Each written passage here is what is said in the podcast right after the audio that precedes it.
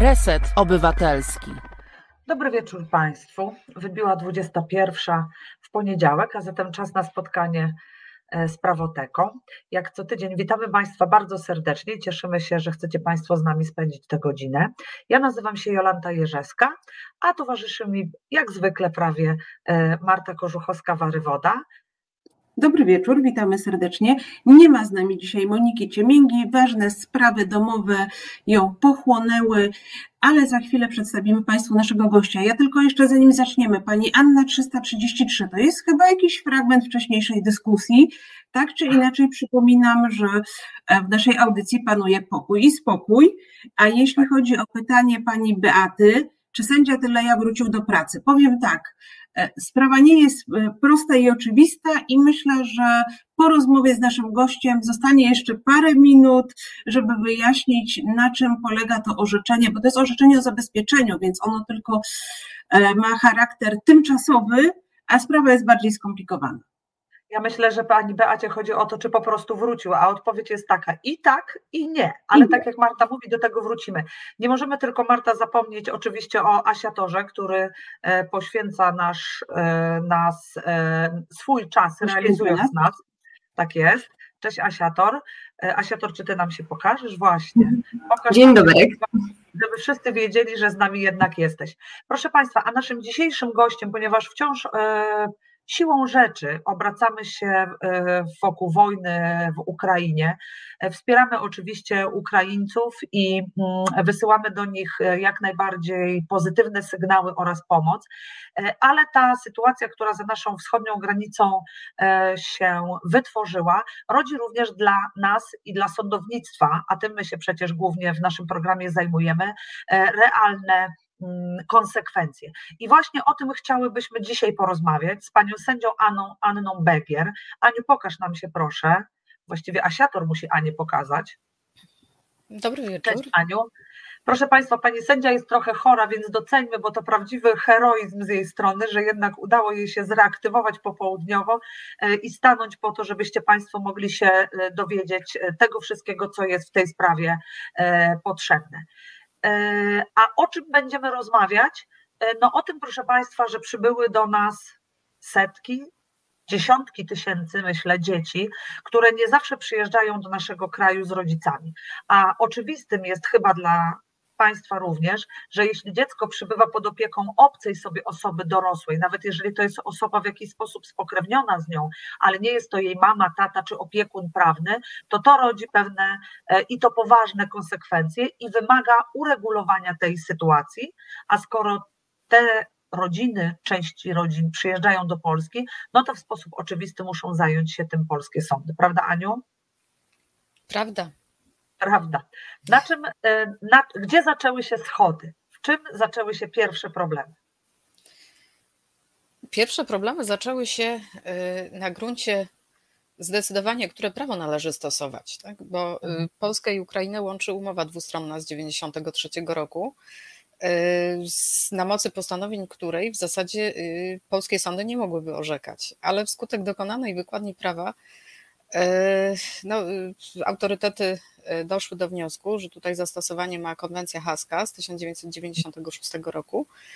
E, I jak najbardziej polskie sądy mogą orzekać, e, stosować polskie prawo materialne. I 12 mhm marca 2000. Ale czy to jest jakiś wyłom, bo powiedziałaś, że jesteśmy połączeni z Ukrainą e, umową, no to e, co do zasady ona powinna obowiązywać, tak? Czy to chodzi o specjalną sytuację, w jakiej się znajdujemy teraz, czy chodzi o to, że po prostu ta umowa e, nie musi obowiązywać? No, A może nie przewidywała takich sytuacji, w jakich się tak, znaleźliśmy? Do, tak, dokładnie, dokładnie tak. Umowa nie przewidywała sytuacji na czas wojny i dlatego tutaj znajdzie zastosowanie artykułu 6 tej konwencji haskiej. Hmm. Mhm. To, są, to są dosyć skomplikowane zagadnienia, ja bym nie chciała zanudzać y, mhm. słuchaczy tym. E, tak, myślę, że nie, nie chodziło tylko o to właśnie, czy autorytety zdecydowały, że nie musimy stosować e, umowy, tylko wybierzemy sobie nie. inny akt prawny. Stosowanie tej umowy byłoby jednoznacznie wybrzmiało, że to jest legalna zresztą, sytuacja. Tak, byłoby zresztą stosowanie tej umowy niemożliwe, bo wówczas sądy polskie w zasadzie nie mogłyby orzekać, tylko musiałyby informować sądy ukraińskie o potrzebie wydania orzeczenia. 12 e, marca e, uchwalono ustawę o pomocy obywatelom Ukrainy w związku z konfliktem zbrojnym na terytorium tego państwa. I tam mhm. ustawodawca w artykule 25 przewidział szczególną instytucję, tak zwaną opiekę tymczasową. Mhm. Myślę, że o to chcecie o to, o to chodzi, bo mm, szybko o to chcemy, się. Ale mhm. e, też mamy taką prośbę, e, żebyś e, troszeczkę powiedziała w ogóle, na czym polega, co daje takie orzeczenie o opiece tymczasowej, dlaczego ono jest istotne dla tych opiekunów. Zgodnie, opieka tymczasowa to jest taka specyficzna instytucja. W polskim kodeksie rodzinnym i opiekuńczym takiej instytucji nie ma, bo tam jest normalna opieka, tak? Opieka się ustanawia, kiedy rodzicom nie przysługuje władza rodzicielska albo kiedy rodzice mm, nie żyją, zostali pozbawieni e, tej władzy, czy są nieznani. E, I zgodnie e, z kodeksem rodzinnym i opiekuńczym opiekun sprawuje pieczę nad osobą i majątkiem. Mhm. Ta ustawa, ustawa o pomocy obywatelom Ukrainy tutaj dodaję jeszcze słowo reprezentuje. Y, wydaje się, że to pewną różnicę to czyni, ale nie będziemy wchodzić tutaj y, w detale. Tak? No nie, niewątpliwie y, opiekun jest uprawniony reprezentować dziecko we wszystkich sprawach, z tym, że mhm. oczywiście w sprawach takich bardziej istotnych, ważniejszych sprawach, które dotyczą osoby albo majątku małoletniego, powinien otrzymywać zezwolenie sądu opiekuńczego, ale właśnie ta instytucja opieki tymczasowej pozwoli osobom opiekującym się y, dziećmi, obywatelami Ukrainy y, bez rodziców, załatwiać y, wszelkie sprawy urzędowe. I to jest no tak, niezmiernie trzeba ważne. te dzieci zapisać do szkoły, do lekarza, tak? Chodzi o nawet te najprostsze sprawy, prawda? No i kwestia jeszcze uzyskania zasiłków, czyli, czyli hmm. powiedzmy 500 plus czy 300 plus. Także no, niewątpliwie jest to bardzo... tymczasowej E, również tej pomocy finansowej taki opiekun nie może pozyskać, tak? Proszę? Mówię, że bez e, takiego wydania orzeczenia o opiece tymczasowej opiekun nie może pozyskać tych wszystkich świadczeń od Skarbu Państwa. Z tego, co jest mi wiadome, może. Tak, także tutaj obywatele się o to e, starają, ale no niewątpliwie, z, kiedy sytuacja się będzie normować i przedłużać, takie orzeczenie będzie niezbędne. Mhm. No tak, rozumiemy. No ale teraz Ania, no bo rozumiemy z tego, e, o czym mówią nasi e, koledzy rodzinnicy. Proszę Państwa, e, tytułem wyjaśnienia, Państwo wiecie o tym, że i ja i Marta jesteśmy karnistkami. Monika Ciemięga jest sędzią rodzinnym. Nie ma jej dzisiaj, ale już jakby z racji tego, że wymieniamy rozmaite łagi związane z programem, wiemy o tym, że Monika sygnalizowała, że ona w swoim sądzie no jest zawalona, mówiąc kolokwialnie, liczbą tych wniosków. I te informacje od sędziów, bo my przecież się komunikujemy między sobą, zaczęły się powtarzać, że po pierwsze są problemy z ilością tych wniosków, a po drugie są też problemy natury formalnej, prawda, Aniu? I rozumiem, że z tego powodu e, sędziowie z justycji e, w ogóle tym problemem się zajęli, czy tak? Y, tak. Y, no, Ustawa weszła w życie praktycznie z dnia na dzień. Y, spadły na sądy opiekuńcze dodatkowe obowiązki. Tutaj ustawodawca, mając na względzie y, dobro dzieci i ich najlepszy interes, postanowił, że rozpoznanie wniosku o ustanowienie opiekuna tymczasowego następuje w terminie trzech dni. Znaczy nie, nie trzech dni, trzech dni. Nie 72 godzin na szczęście, ale trzech dni. To jest tutaj troszkę różnicy jest pomiędzy prawem mhm. cywilnym a prawem karnym ale y, te trzy dni, w te trzy dni wliczają się również dni wolne y, od pracy. Także jeżeli wniosek. Nie może być w... tak, że wniosek wpłynie w piątek i w poniedziałek musi być rozpoznany. Musi być rozpoznany najpóźniej. Oczywiście nie ma tutaj takich y, sankcji nieważności, braku skuteczności postanowienia. Ono może być wydane później, ale siłą rzeczy sędziowie chcą te sprawy załatwić jak najszybciej. No muszą załatwić wobec wpływu kolejnych wniosków. Tutaj mhm. pomijam już to, że termin rozpoznania tych wniosków jest y, monitorowany, jest raportowany. Tak? Także wtedy no tak, tym, jest tym bardzo. Aparat państwowy jest bardzo dobry w odbieraniu od nas danych statystycznych.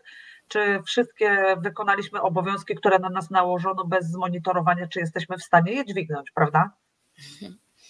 Na szczęście, na szczęście dokonano takiej wykładni, że nie musi być losowania tych spraw pomiędzy sędziów zgodnie z SLPS, e, bo to by zajęło jeszcze jeden dodatkowy dzień od momentu wpływu To jak te sprawy są przedstawiane, jeśli nie ma e, losowania?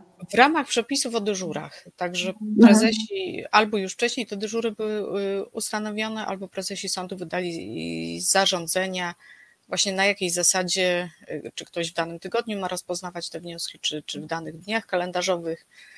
Ale czasami mhm. jest to bardzo trudne, no bo są przecież e, sądy rodzinne, te, te małe sądy, tak, prowincjonalne, gdzie jest tylko jeden sędzia rodzinny. Tak, na niego te obowiązki spadły. Czy zostaną tam wydane zarządzenia, że, że te obowiązki będą się rozkładały na wszystkich sędziów, no trudno powiedzieć. Mhm. E, słuchajcie, może wyjaśnijmy tylko Państwu, że Państwo wprawdzie wiecie, bo o tym często się e, mówi teraz, że mamy w sądach system losowego przydziału spraw, ale prawdą jest, co powiedziała Marta, że jeśli sprawy wpływają, to one, żeby zostały wylosowane, muszą zostać wpisane najpierw tak e, na na pół gwizdka do systemu, wtedy one zostają wylosowane, ale dopiero po południu i następnego dnia są dekretowane na konkretnego sędziego.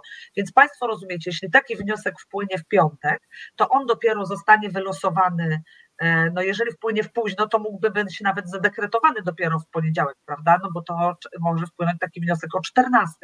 I w związku z tym to by wszystko wydłużyło, więc sędziowie rodzinni też mają dyżury na wypadek potrzeby załatwienia jakichś spraw pilnych, w związku z tym ci sędziowie e, te sprawy otrzymują, ale tak jak powiedziała Ania, w niektórych sądach tych sędziów jest e, dokładnie jeden albo dwóch, co oznacza, że oni wszystko muszą e, rozpoznać. No dobrze, Ania, ja już ile... powiem nawet mhm. tyle, że słyszałam od sędziów rodzinnych takie relacje, że oni zaczęli pracować w czasie weekendów, żeby uporać się z tymi wnioskami i, i, i rozpatrują je w sobotę i, i czasem w niedzielę.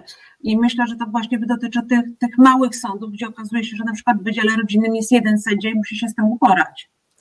Y, tak, tu jest jeszcze kwestia y, organizacji pracy sekretariatów. Tak? No, zapewne prezesi musieli wydać jakieś zarządzenia, bo, bo dotychczas y, sekretarze tylko przy dyżurach aresztowych mieli obowiązek pracy w weekendy według tego harmonogramu dyżurów, także zapewne dopisano również te Mm, te sprawy, no bo pamiętajmy, y, że nie tylko sędzia rozpoznaje sprawy, tak? Te sprawy można rozpoznawać na posiedzeniu niejawnym, jeżeli nie budzą wnioski żadnych wątpliwości, ale wydaje mi się, że większość sędziów jednak będzie wolało rozpoznać te sprawy na rozprawie. Sędzia musi przecież zobaczyć osobę kandydata na opiekuna i no musi, właśnie, powinien wysłuchać małoletniego, tak? Tutaj nie zakładamy, ja że ktoś będzie. Zapytać, I od razu ci przerwę. E, bo pierwsze, co mi przyszło do głowy, czy, czy właśnie ta, taka praca w pośpiechu, e, czy to nie może prowadzić do jakichś nadużyć, bo przecież cały czas słyszymy, że ten kryzys migracyjny stwarza olbrzymie ryzyko, że może dojść do handlu ludźmi, że za chwilę e, dzieci mogą zostać wywiezione jeszcze gdzieś dalej.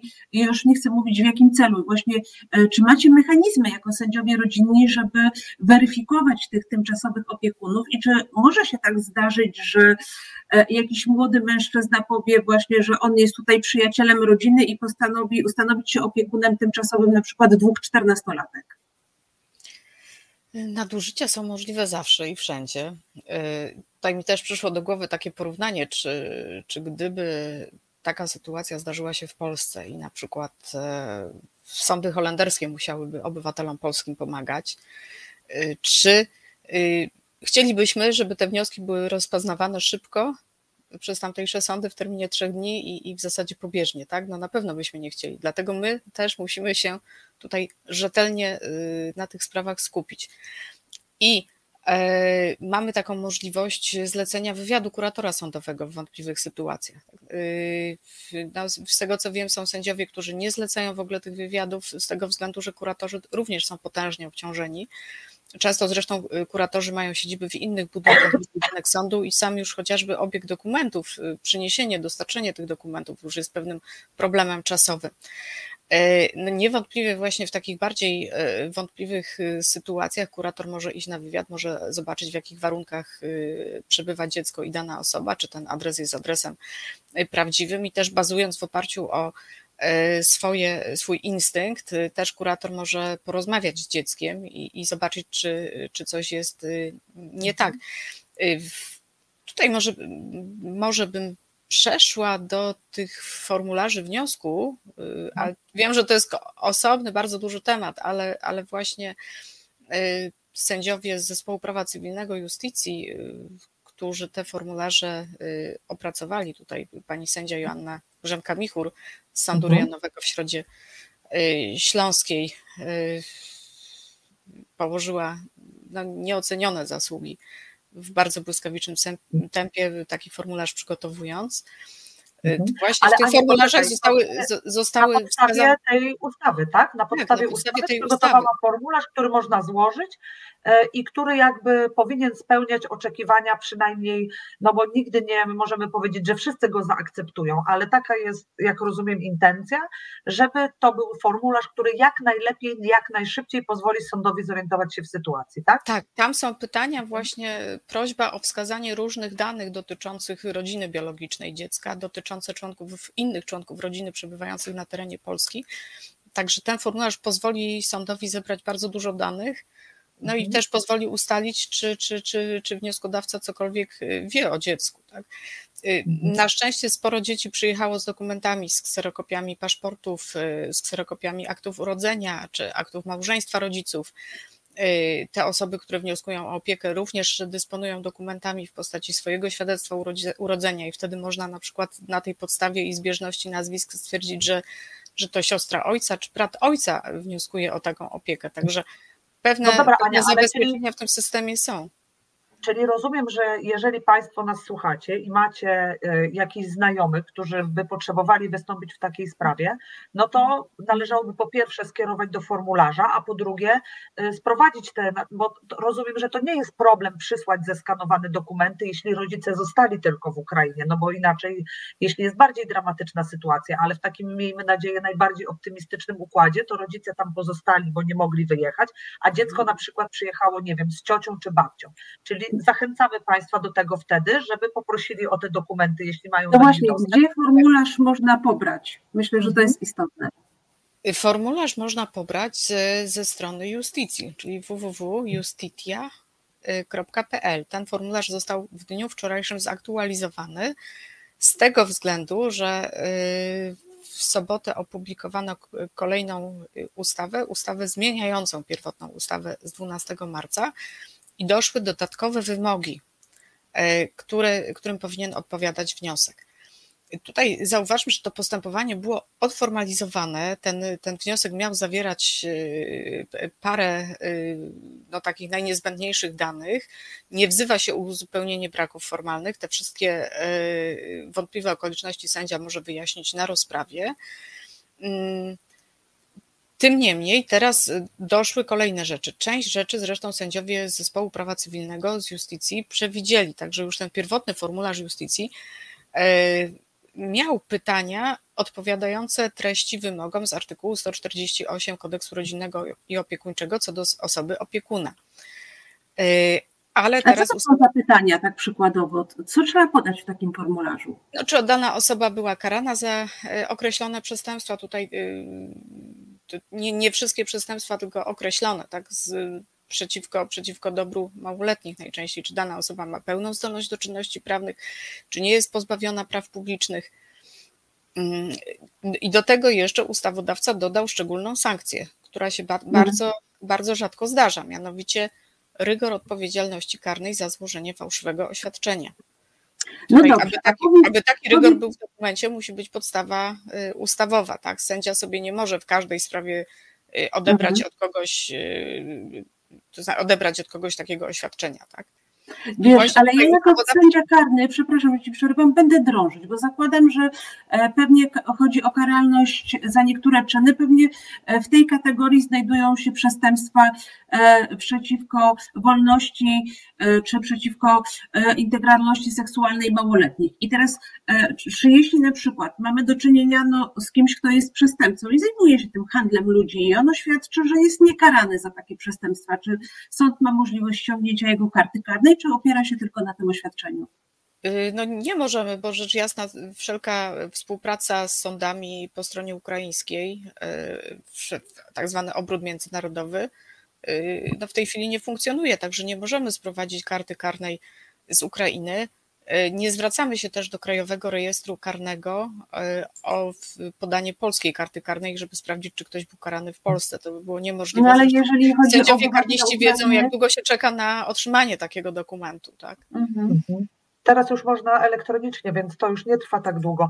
Ale Aniu, ja widziałam dzisiaj na jednym z forów, że sędziowie e, napisali, że e, no, ludzie też starają się przecież zabezpieczyć dobro swoich dzieci, jeśli je wypuszczają z kimś obcym.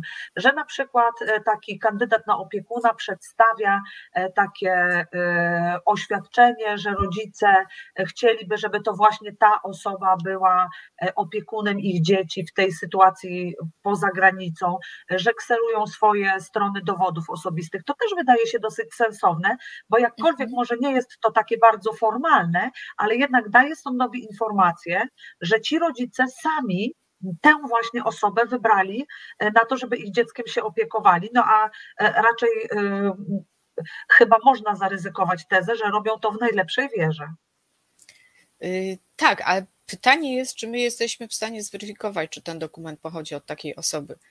Mhm. No na, tak jak Jolu powiedziałaś, no na pewno w sposób troszkę mniej formalny. No na pewno takie mhm. dokumenty tutaj z kserokopią dowodu osobistego wskazują, że, że takie oświadczenie jest autentyczne, ale ono oczywiście mocy prawnej to nie jest pełnomocnictwo upoważniające y, do działania w imieniu małoletniego w Polsce, do opieki. Także ta opieka tymczasowa musi być ustanowiona. Oczywiście posiadanie takiego upoważnienia pełnomocnictwa y, może być dodatkowym argumentem za ustanowieniem danej osoby opiekunem. Z tego, co ja y, wiem, jeszcze funkcjonują w obrocie jakieś pełnomocnictwa chyba mm, notarialne do, y, do, spraw, do takie powierzające władzę rodzicielską, ale tutaj zaznaczę, że na gruncie prawa polskiego ogólne pełnomocnictwo do wykonywania wszelkich praw i obowiązków wynikających z, pra, y, z władzy rodzicielskiej jest niedopuszczalne. Także tą opiekę, tą opiekę tymczasową na pewno należy ustanowić. Mhm. E, przychodzi mi jeszcze na myśl e, bardzo prosty problem, który w tych sprawach na pewno się pojawia, a mianowicie problem językowy. E, to jest, to jest duży problem z jednej strony, z drugiej strony nie jest. To znaczy, na pewno jesteśmy się w stanie porozumieć z, z obywatelami Ukrainy, którzy w Polsce przebywają od kilku miesięcy na jakimś poziomie komunikacji, to znaczy prostych, prostych kwestii mają tą komunikatywną znajomość języka y, polskiego. E, czasami też e, przyprowadzają ze sobą osoby, które są w Polsce, to znaczy osoby, które przyjechały y, teraz z Ukrainy, przyprowadzają osoby, które już w Polsce były.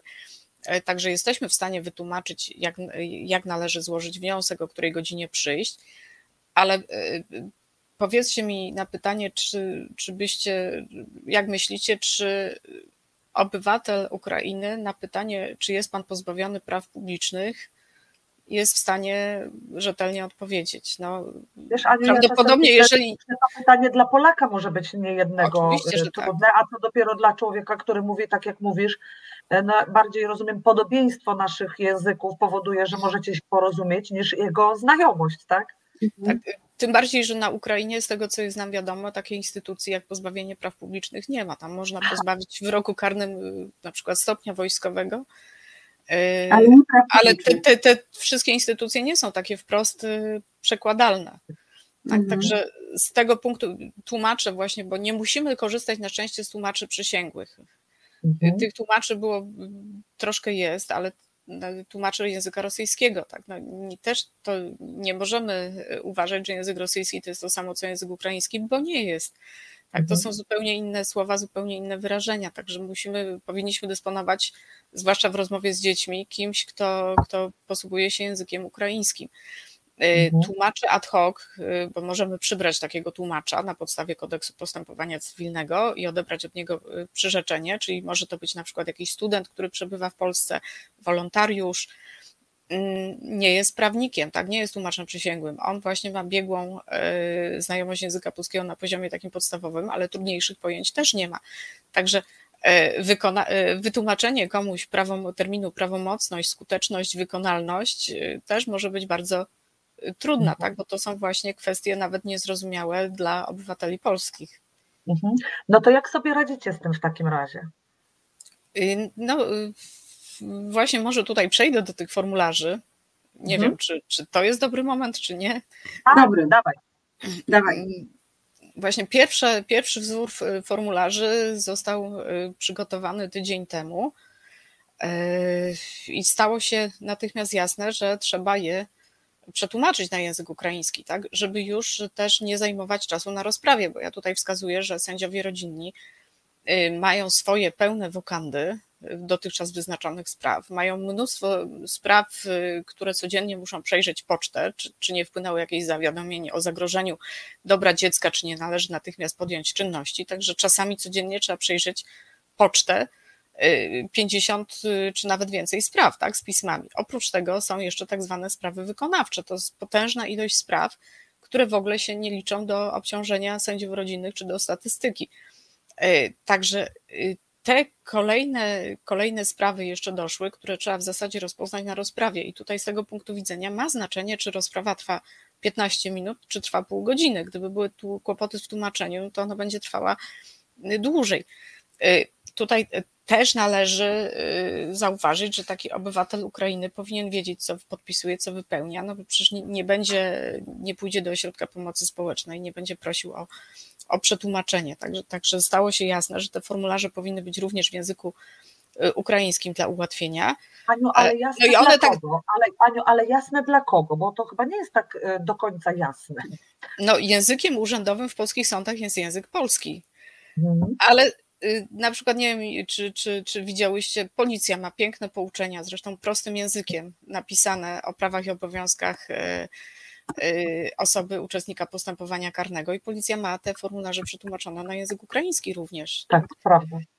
Natomiast y, co, przychodzi obywatel Ukrainy do sądu, tak jak my przychodzimy na przykład do urzędu skarbowego i chcemy złożyć jakiś formularz, no to te formularze są na korytarzu, bierzemy, wypełniamy, a tutaj Wiesz co, obywatele ale mi bardziej chodziło, mi bardziej chodziło e, na to, o to, e, kto dostrzegł potrzebę przetłumaczenia tego formularza, bo ja rozumiem, że on został przetłumaczony przez, e, dzięki e, no, zespołowi justycji, czyli to nie zostało dostrzeżone oficjalnie, urzędowo, tylko dostrzegli to sędziowie, którzy mają e, te orzeczenia wydawać. Sędziowie, sędziowie praktycy, tak?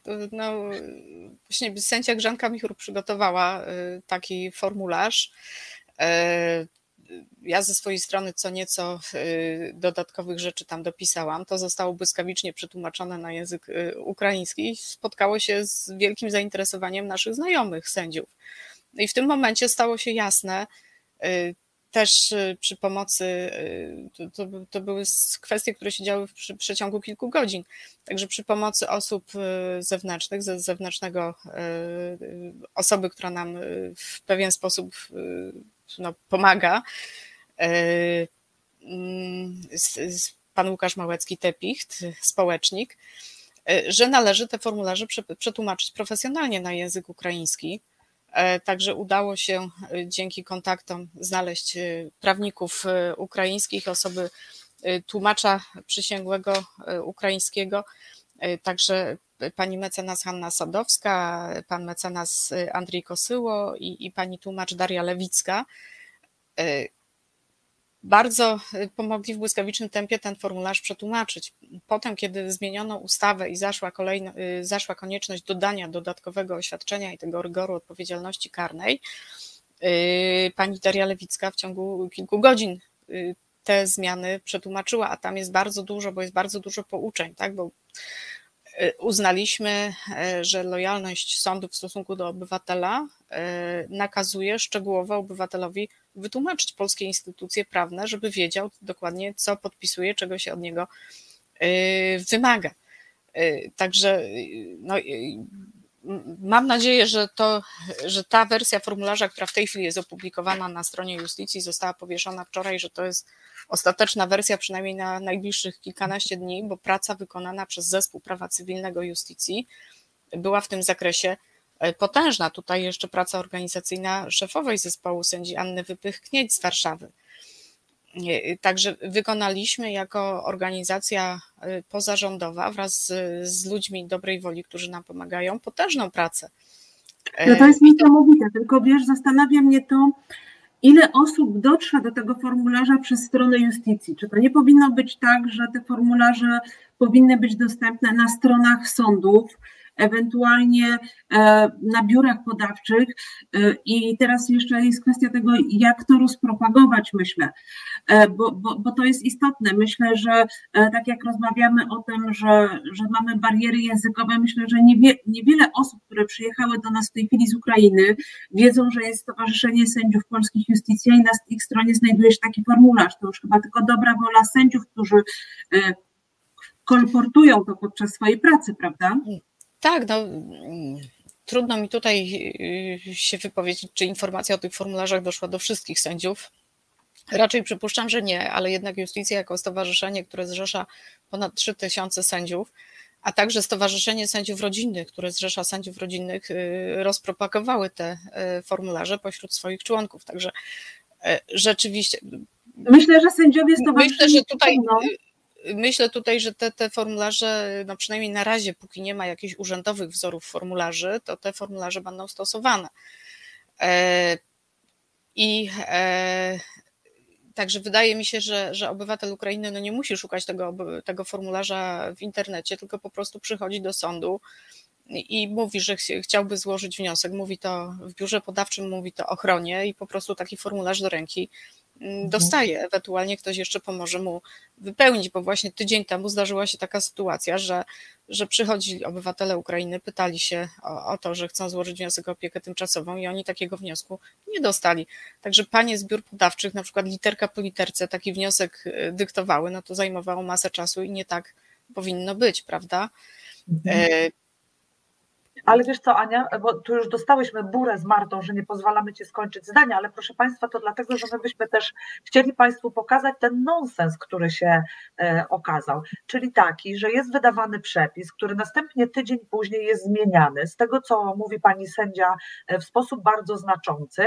E, tymczasem jakby nie ma nie tylko inicjatywy, żeby, jakby, żeby właśnie takie działania podjąć, żeby formularz powstał, ale nawet wtedy, kiedy formularz formularz już powstał, to jak rozumiem, nie możemy liczyć do końca na to, że prezesi na przykład powieszą go na strony, bo Marta może to postulować, ale prawda jest taka, że większość prezesów w tym kraju nie powiesi formularza na stronie, który przygotowała justycja, bo justycja jest traktowana e, przez e, władze jako naszego państwa jako wywrotowa i to jest absolutnie wywrotowa organizacja ale Ania mi podsunęła dobry pomysł, bo na przykład można e, taką informację, sama jutro pójdę do e, biura obsługi interesanta w moim sądzie e, i powiem o tym, żeby panie mogły na przykład powiedzieć, że coś takiego w ogóle istnieje, jeśli do mojego sądu przyjdą ludzie, którzy będą takiej pomocy potrzebować, prawda? Ja myślę, Jolu, więcej, że to można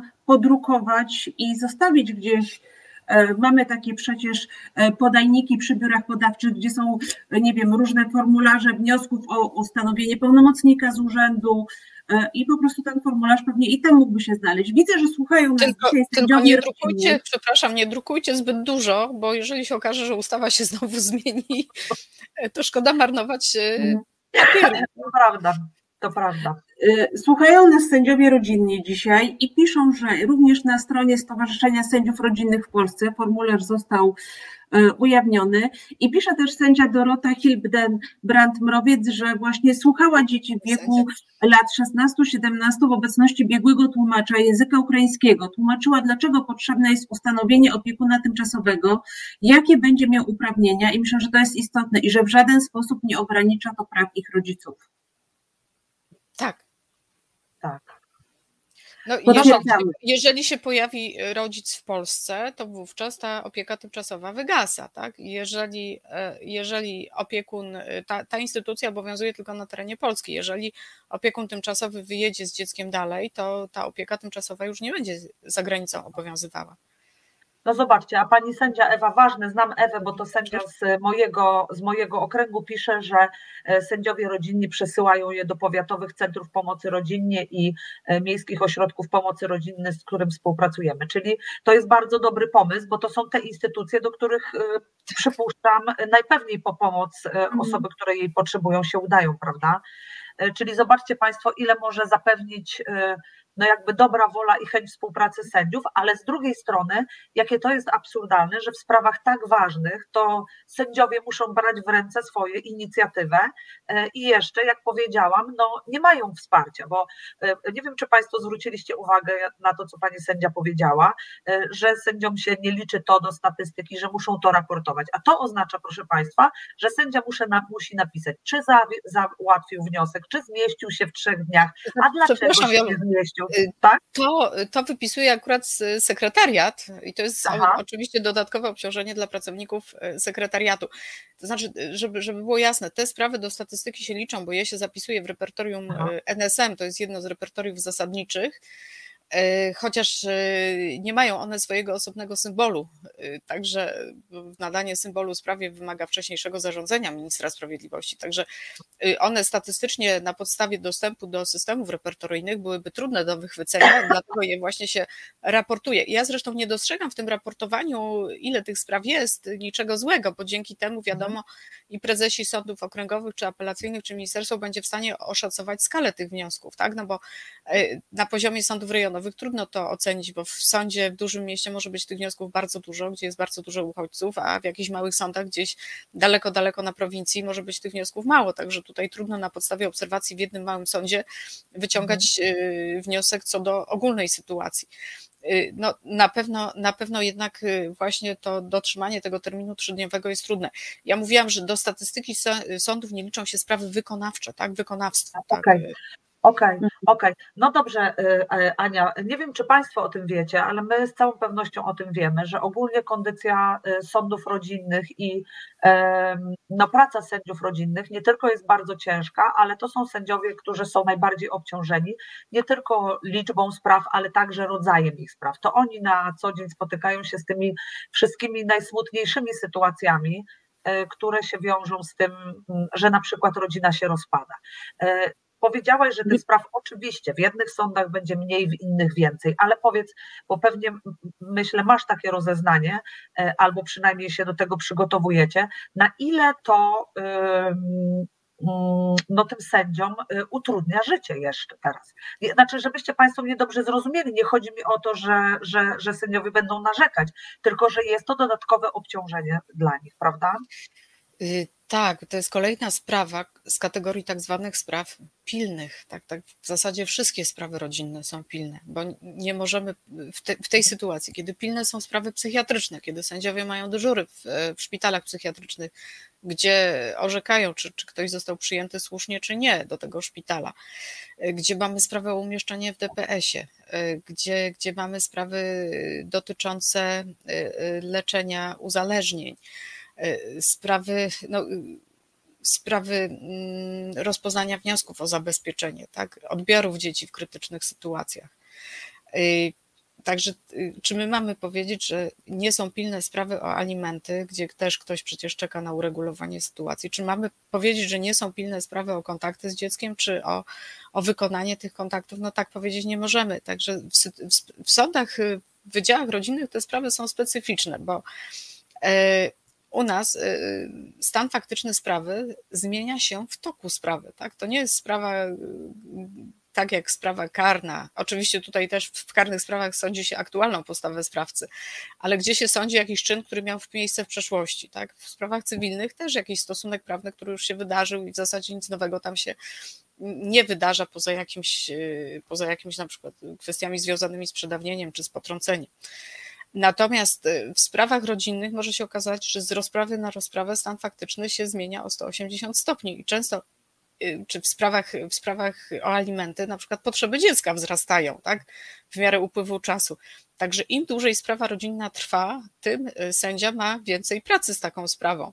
Także pożądane Ale... nawet z tego punktu widzenia i z punktu widzenia interesu społecznego jest, ażeby te sprawy rodzinne trwały jak najkrócej. Proszę Państwa, ja bym chciała w tym miejscu pokazać taki raport justycji. On się ukazał w listopadzie ubiegłego roku. Nie wiem, czy dobrze widać. Tak. Y, Teraz lepiej. A rzeczywistość statystyki sądów rejonowych po pięciu latach reform. Y, tutaj mam akurat egzemplarz papierowy, y, ale raport jest na stronie justycji dostępny w PDF-ie i można go ściągnąć. Tam jest też duży rozdział poświęcony wydziałom rodzinnym. To znaczy, dlaczego te sprawy tak długo trwają w sposób niesatysfakcjonujący dla interesariuszy i niezgodny z dobrem dziecka, i też jakie są perspektywy przed wydziałami rodzinnymi. Także jeżeli ktoś chciałby swoją wiedzę pogłębić, to właśnie zachęcam do pobrania tego raportu.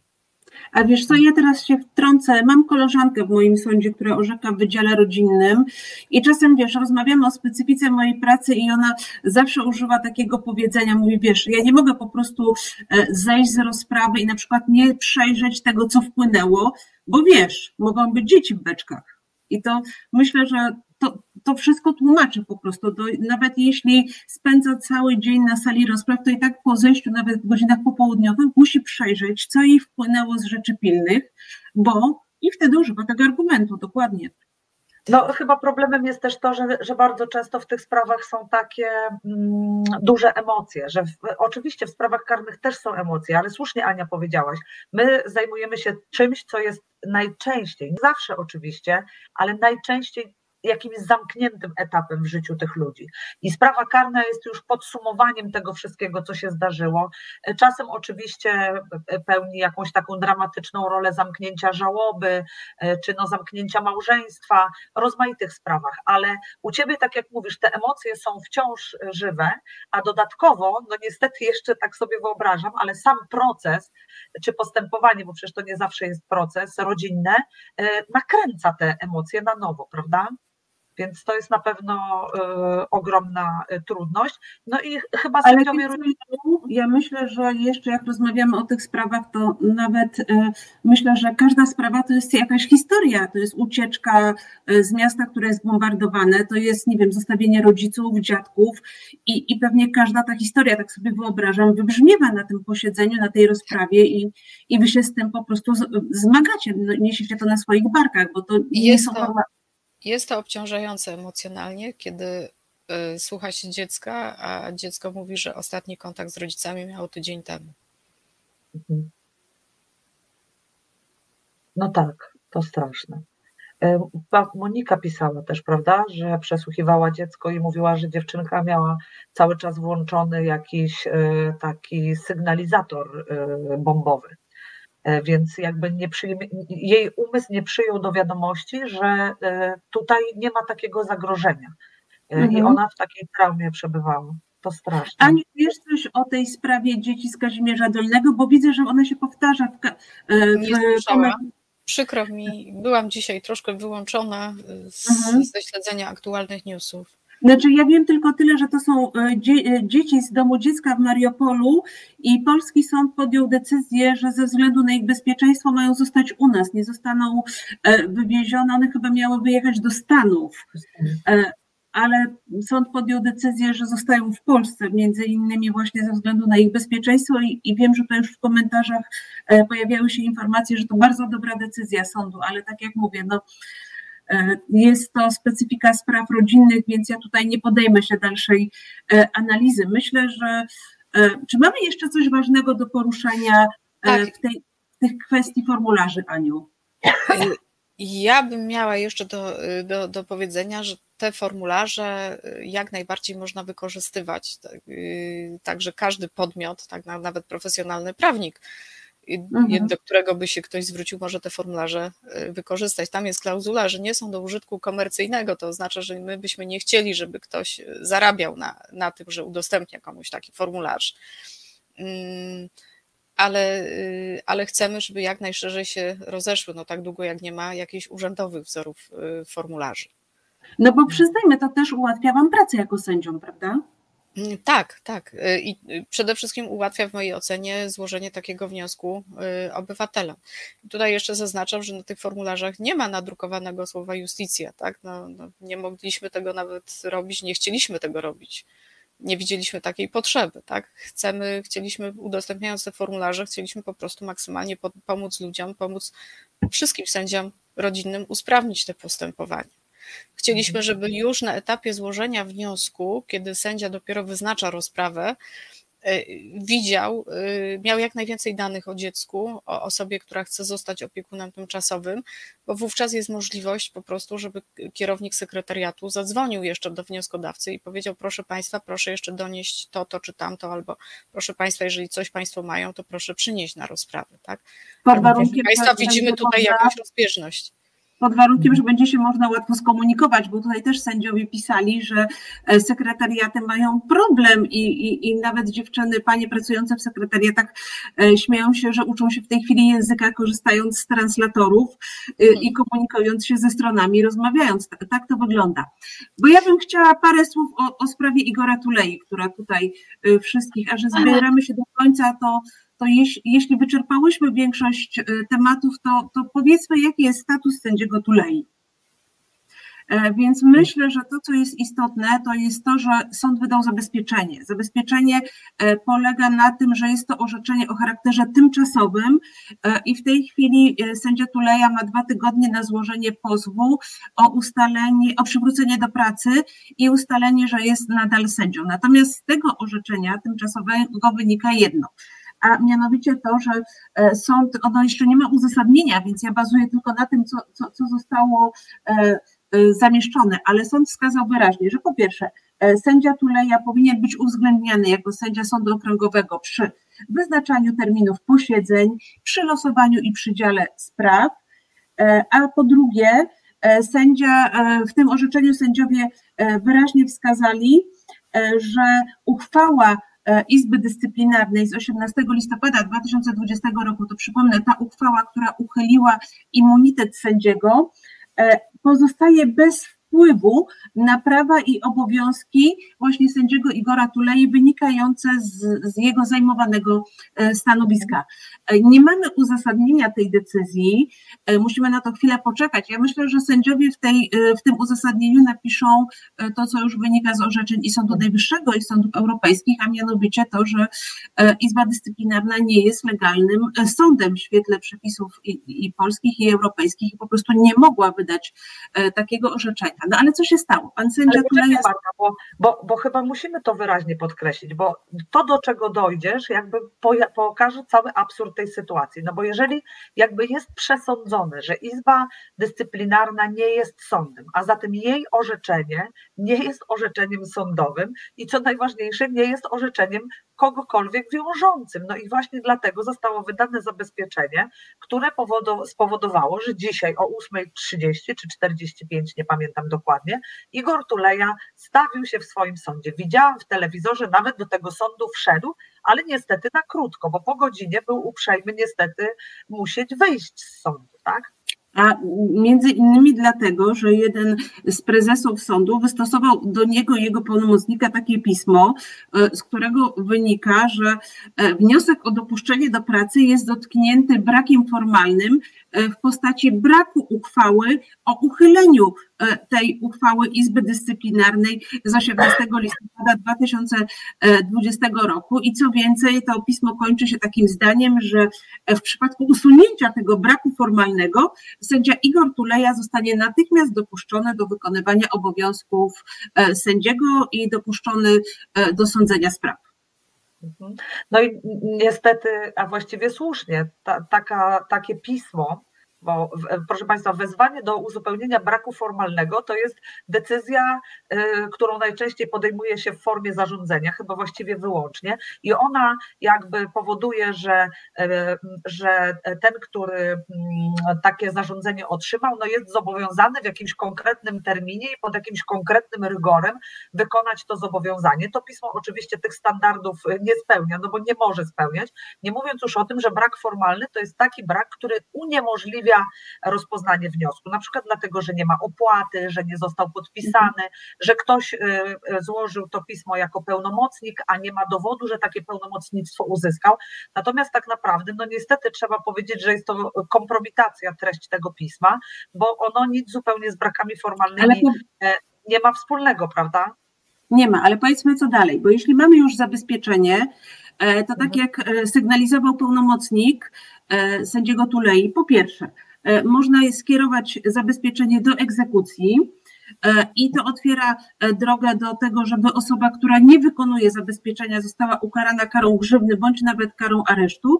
I można też skierować zawiadomienie do prokuratury o tym, że to, to orzeczenie o zabezpieczeniu jest niewykonywane. I myślę, i takie dokładnie kroki zostały poczynione w sprawie sędziego Pawła Juszczyszyna, więc myślę, że tutaj sytuacja będzie wyglądała analogicznie, co nie zmienia faktu, że sędzia Igor Tuleja nadal nie orzeka. Mhm. No i musimy chyba zwrócić uwagę, że y, mamy taką sytuację, w której prezesi sądów czy wiceprezesi, y, to już właściwie nie ma największego y, znaczenia, w sposób jawny i oczywisty lekceważą orzeczenia sądów, co wydaje się być sytuacją absolutnie niedopuszczalną. A co więcej, a co więcej, ja już nie wiem, dwa czy trzy dni temu widziałam, e, widziałam e, jakiś fragment e, programu prowadzonego przez pana Wojciecha Biedroń chyba, który mówił, że on nieoficjalnie wie, że wniosek pana sędziego Tulei o to i jego pełnomocnika o to, żeby został dopuszczony do pracy, nie będzie uwzględniony, co wydaje się być sytuacją kuriozalną. Oczywiście to nie jest decyzja o charakterze e, orzeczniczym, ale proszę państwa, dziennikarz już wcześniej wie, jaką decyzję podejmie e, prezes sądu czy wiceprezes sądu, bo to wyraźnie powiedział, e, podczas gdy taką informację Igor Tuleja otrzymał dzisiaj pewnie koło godziny dziewiątej lub po dziewiątej. Więc wydaje mi się to.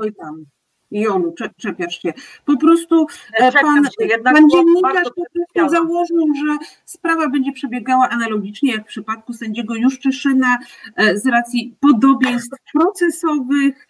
E, tak i, powiedział Marta, jeśli chodzi o pana on tak nie powiedział. On wyraźnie użył sformułowania, że nieoficjalnie wiadomo mu, że nie będzie tak, że nie będzie dopuszczony do pracy i to z tego powodu, że nie uchylono decyzji, która no, nie jest po prostu decyzją e, wymiaru sprawiedliwości, w sensie decyzją orzeczniczą, orzeczeniem sądowym, no a zatem ona nie może po prostu być e, wiążąca. I ja jakkolwiek pewnie wszystkie możemy to powiedzieć, że powoli przyzwyczajamy się do tego, ale jednak dla ludzi, którzy pracują w wymiarze sprawiedliwości, no to dla mnie jest to szalenie bulwersujące i absolutnie nie mogę e, przeżyć czegoś takiego, że ludzie po prostu takie rzeczy mówią, którzy są e, prawnikami i sędziami, prawda? A przecież ci prezesi e, takimi sędziami są, prawda?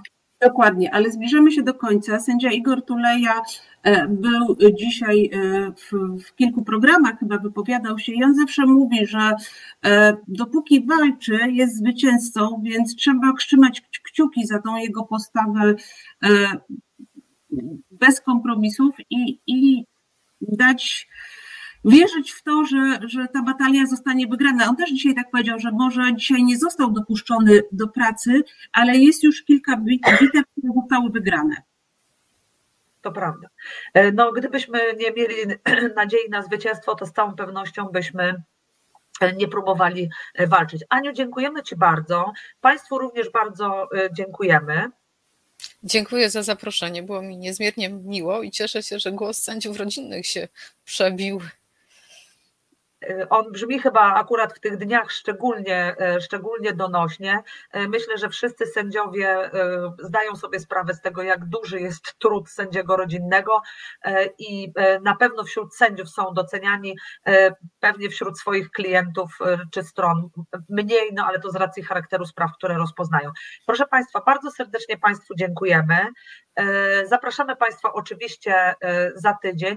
No i mamy nadzieję, że Państwo byliście zadowoleni gdzieś z dzisiejszej dyskusji.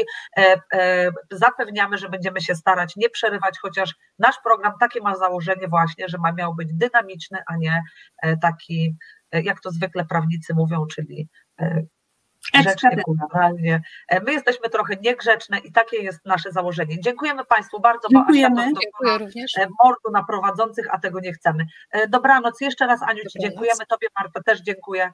Do zobaczenia, Do zobaczenia. Państwu. Do zobaczenia. Miłych snów Państwu życzę.